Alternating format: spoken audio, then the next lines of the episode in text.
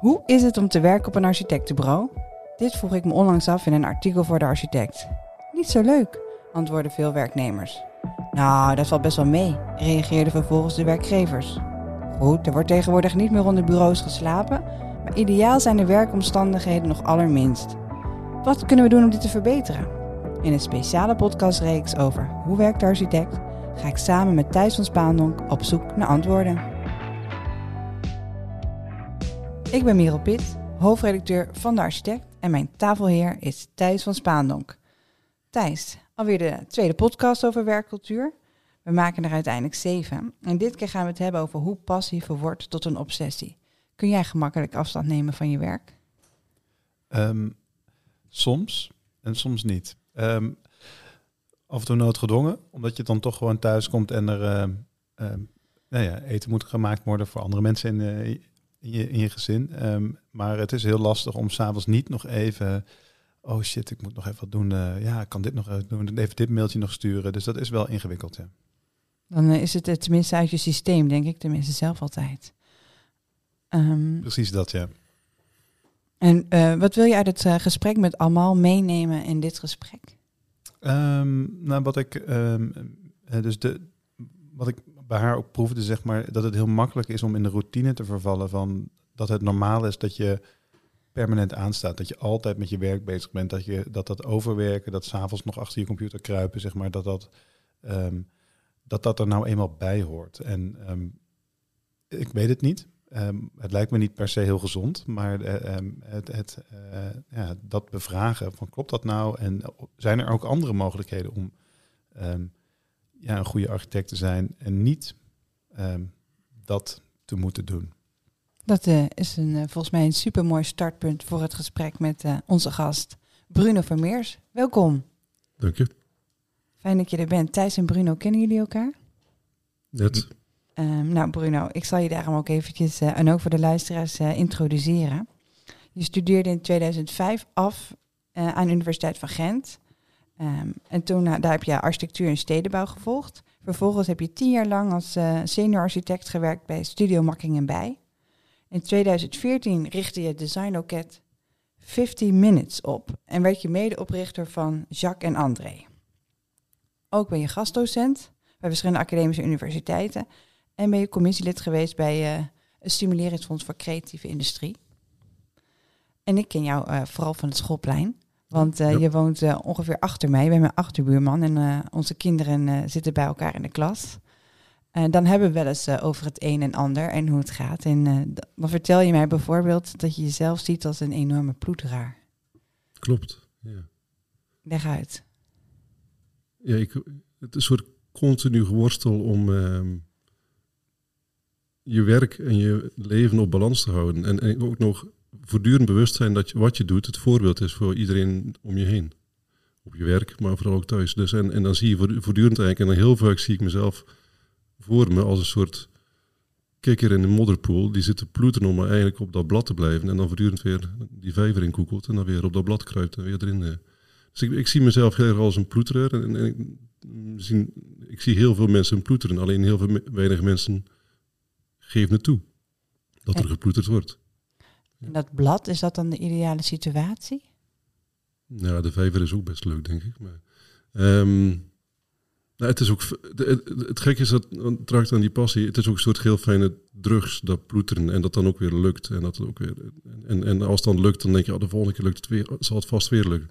Dus je, je hebt ook een systeem ingebouwd dat je denkt, eh, het lukt altijd wel. Dit ploeteren is prima, hoort bij mij, is, is mijn leven. Dat is de weg die je moet gaan. Ja. Dacht ik. Want? op een bepaald moment zit je zo diep in dat water dat je er niet meer uitkomt. Eh, en dan zie, je, dan zie je de wereld een beetje, een beetje afspelen. Ik, dit geploeter zal echt niet, dit hou je niet lang vol. Eh, dus in 2019 ging ongeveer het licht uit bij mij. En toen was het, eh, was het even klaar met ploeteren. En dan, en dan zit je na te denken in die duisternis, denk je van ja, welke kant gaat het nu op en waar gaan we heen? En dan, dan ja, toen dacht ik van ja, maar dit, dit overwerkt zijn, dit, dit continu aanstaan. En aanstaan is bij mij ja, nog iets anders dan ik ben. Ik ben iedere seconde van mijn leven bezig met mijn werk. Ehm, ik dacht van ja, dit moet ik anders gaan verdelen.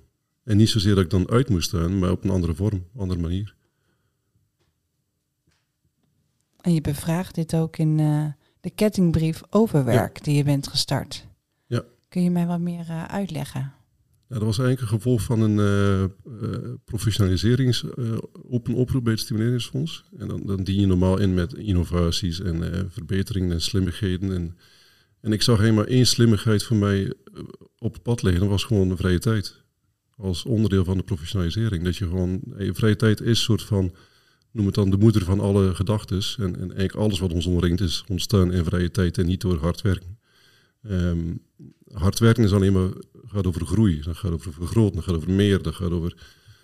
Uh, in de vrije tijd ontstaat je oorspronkelijke idee. Um, en dus ik heb toen gedacht, oké, vrije tijd is mijn weg tot professionalisering. Meer uh, niet in opdracht zijn, meer vrij zijn. Uh, en dat moet onderdeel worden van ons beroep.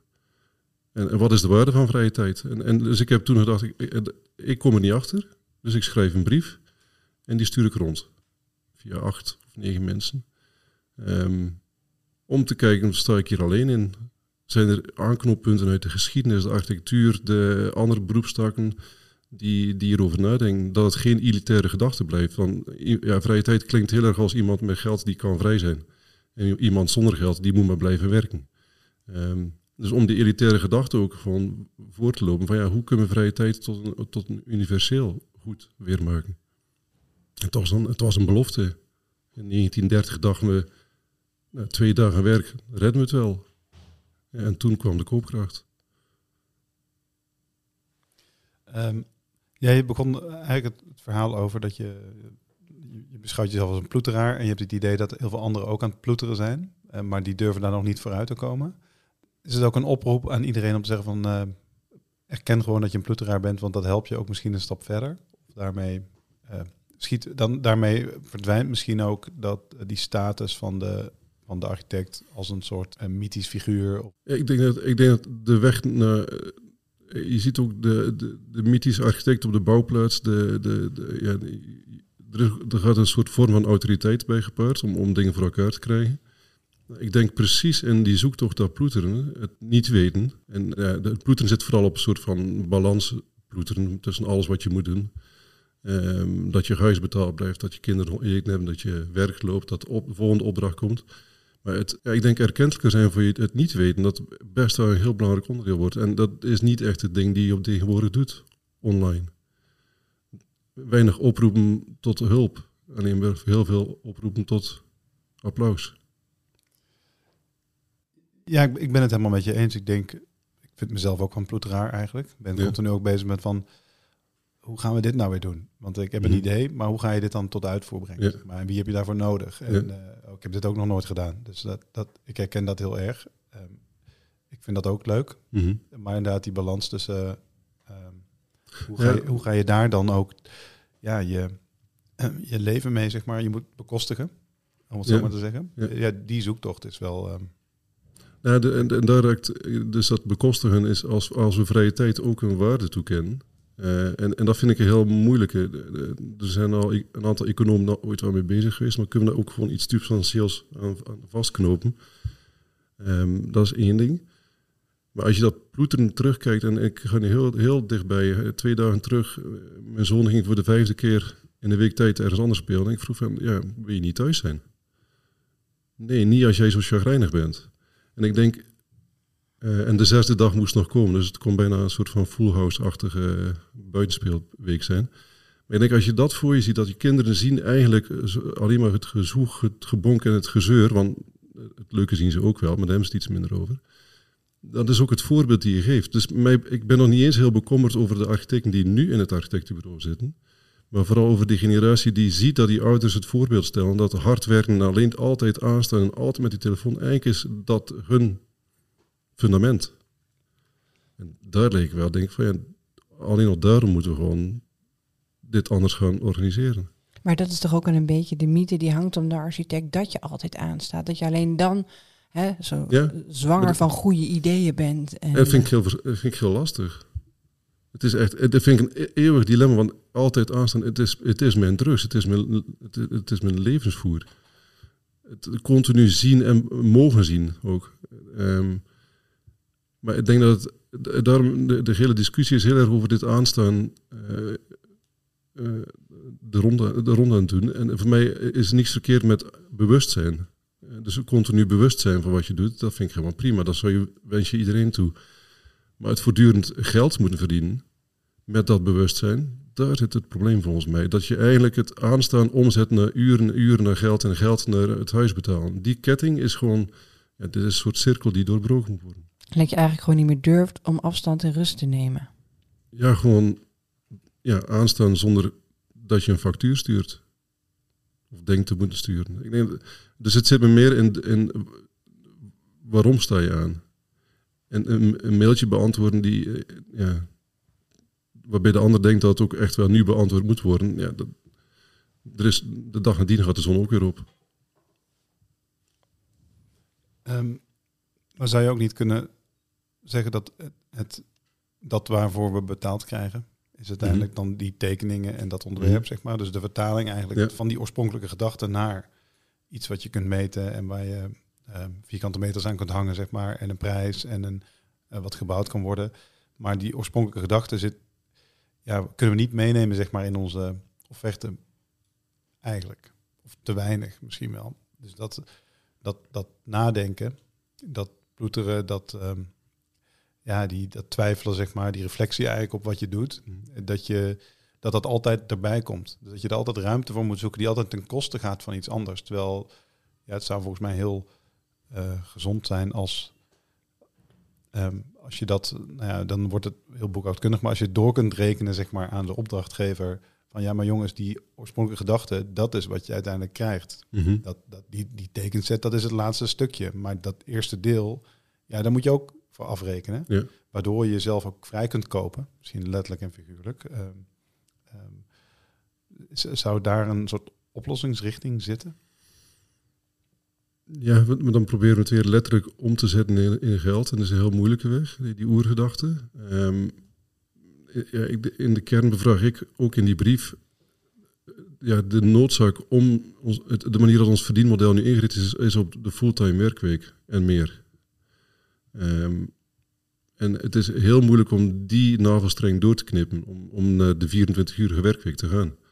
Want dat heeft gevolgen, dan moet je dingen luiden. Je kunt niet minder werken en meer doen. Die, die, die kettingbrief, of die, die, die ketting, dat werkt niet. Ehm, ik bevraag iets meer ons verdienmodel en de maat waarin dat we hoeveel geld dat we willen verdienen. En dat is in dit moment heel lastig. Het wordt alleen maar lastig nu. Eh, Dus die brief is geschreven nog voor heel alle inflaties eh, op, ons, op ons dak viel.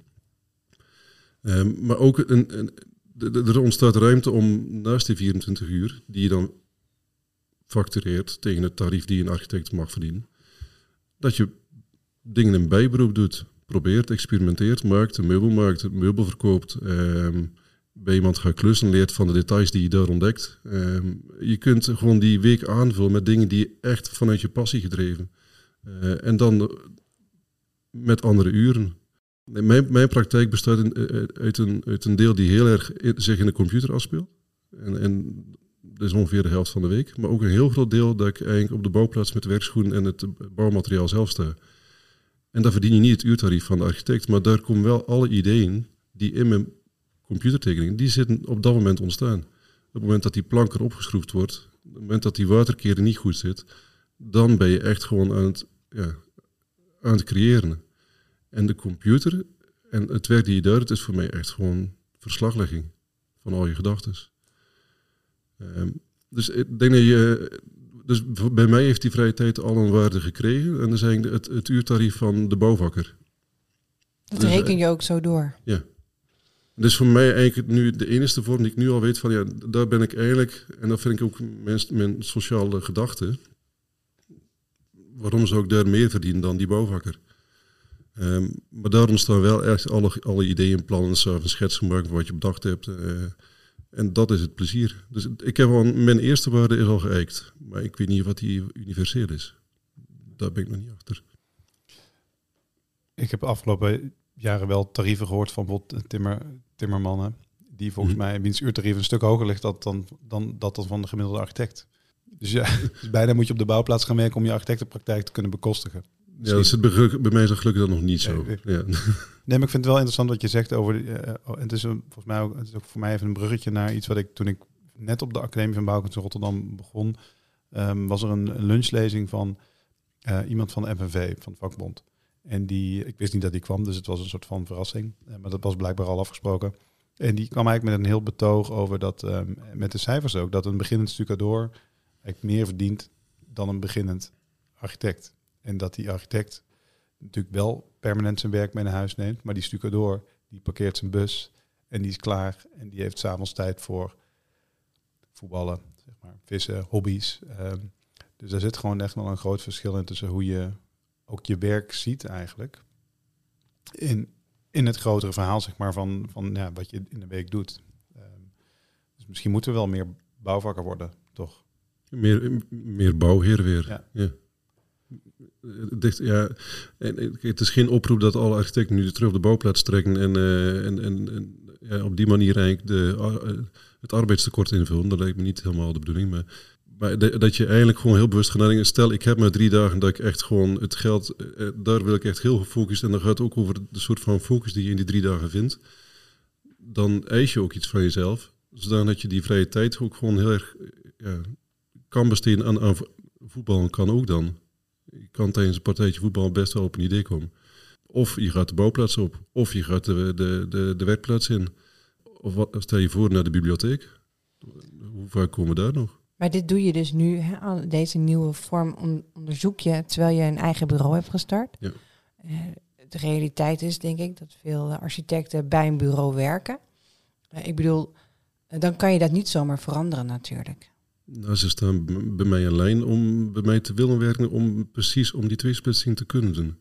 En ze willen ook allemaal maar 24 uur betaald worden en daarnaast kijken ze wel hoe ze de broek gaan trekken. Dus ik denk dat we de, de, de, de, generatie die komt echt onderschatten in die zin dat ze, als je heel eerlijk bent op een architectenbureau, als je iedereen zou bevragen van, ja, wil je, eh, stel je krijgt een zak geld, wat ga je doen? Dan zegt, zegt bijna iedereen iets anders. Eh, of voor zichzelf. Of een, eh, dus het, het, de illusie dat iedereen heel graag werkt voor die baas, nou, dan zeg ik het in het woord illusie, die, die is gewoon wel reëel, denk ik. Ehm, ook omdat het, ik vind het utopisch gedacht dat iedereen voor één werkgever wil werken. Dat is eigenlijk, daar zit heel weinig rijkdom in verstopt. Ehm, ik heb vanaf het begin, toen ik bij Jurgen Bij ook werkte, de- hij had het zelf ook toen, was de, de vijfde dag was de dag dat je iets anders deed. En dat was een universeel iets in het bureau. Dat iedereen deed op de vijfde dag iets anders. Klinkt als een soort scheppingsverhaal bijna. Maar het is ontzettend gevaarlijk om niet af te glijden nadat die vijfde dag weer lijkt op die andere vier. En dan vervolgens de zesde en de zevende ook er nog bij pakt. En die wil ik terugdringen naar de drie dagen. En dan die andere moet echt op iets anders lijken. Dat breng ik heel veel jonge mensen ook mee. Ehm, Heb je voorbeelden van andere architecten? Want ik, ik ken eigenlijk alleen maar ploeteraars, denk ik. Maar heb jij een voorbeeld? van geen ploeteraars? Nou ja, iemand die het op een andere manier doet, die vrije tijd op waarde schat. Nee, we hebben allemaal geen vrije tijd. Ik denk dat we allemaal ja, zelf bijna zeven dagen ermee bezig zijn. En dat is. En, en daar blijf ik bij. Daar, daar zit niks verkeerd in het zeven dagen bewustzijn als architect. Meer nog, dat, dat is goed en fijn, denk ik. Ehm, Maar je onderzoekt nu zelf een nieuw model. Ik dacht, misschien ken je iemand die ook op een andere manier werkt, die je inspireert. Ja, mijn onderzoeken zitten nooit naar het kijken naar de buitenwereld hoe iemand eh, het veel glansrijker en beter doet. Dus iets heel, daar stop ik altijd heel weinig tijd in. Ik zit voortdurend continu te balanceren op mijn eigen model en te kijken hoe kan ik een model creëren die eh, nou, uiteindelijk in de groei, wat ik een heel lastig woord vind, eh, dat je ook meer mensen aan je kan aan je kleven die meegaan daarin. En die zelf ook dan doorstromen naar een bureau die ook op die manier werkt. En ik denk dat bureaus met werkplaatsen voor mij het beste kan zijn je hebt. Echt werkplaatsen waar je weer kan verdwijnen weg van die digitale wereld, weg van die online wereld. En op de vraag van, ik heb wel het idee dat er eh, bijna alle andere bureaus glansrijker en eh, niet ploeteren. Maar dat is de wereld van buitenaf. Hè. Er is de online wereld die dat laat schijnen, dat al, iedereen glansrijk door het leven gaat. Het gras is altijd groener bij de buren. Ja, zeker in Ja. Rijswijk. Dankjewel. maar we hebben in ieder geval wel gras in de tuin. Ja.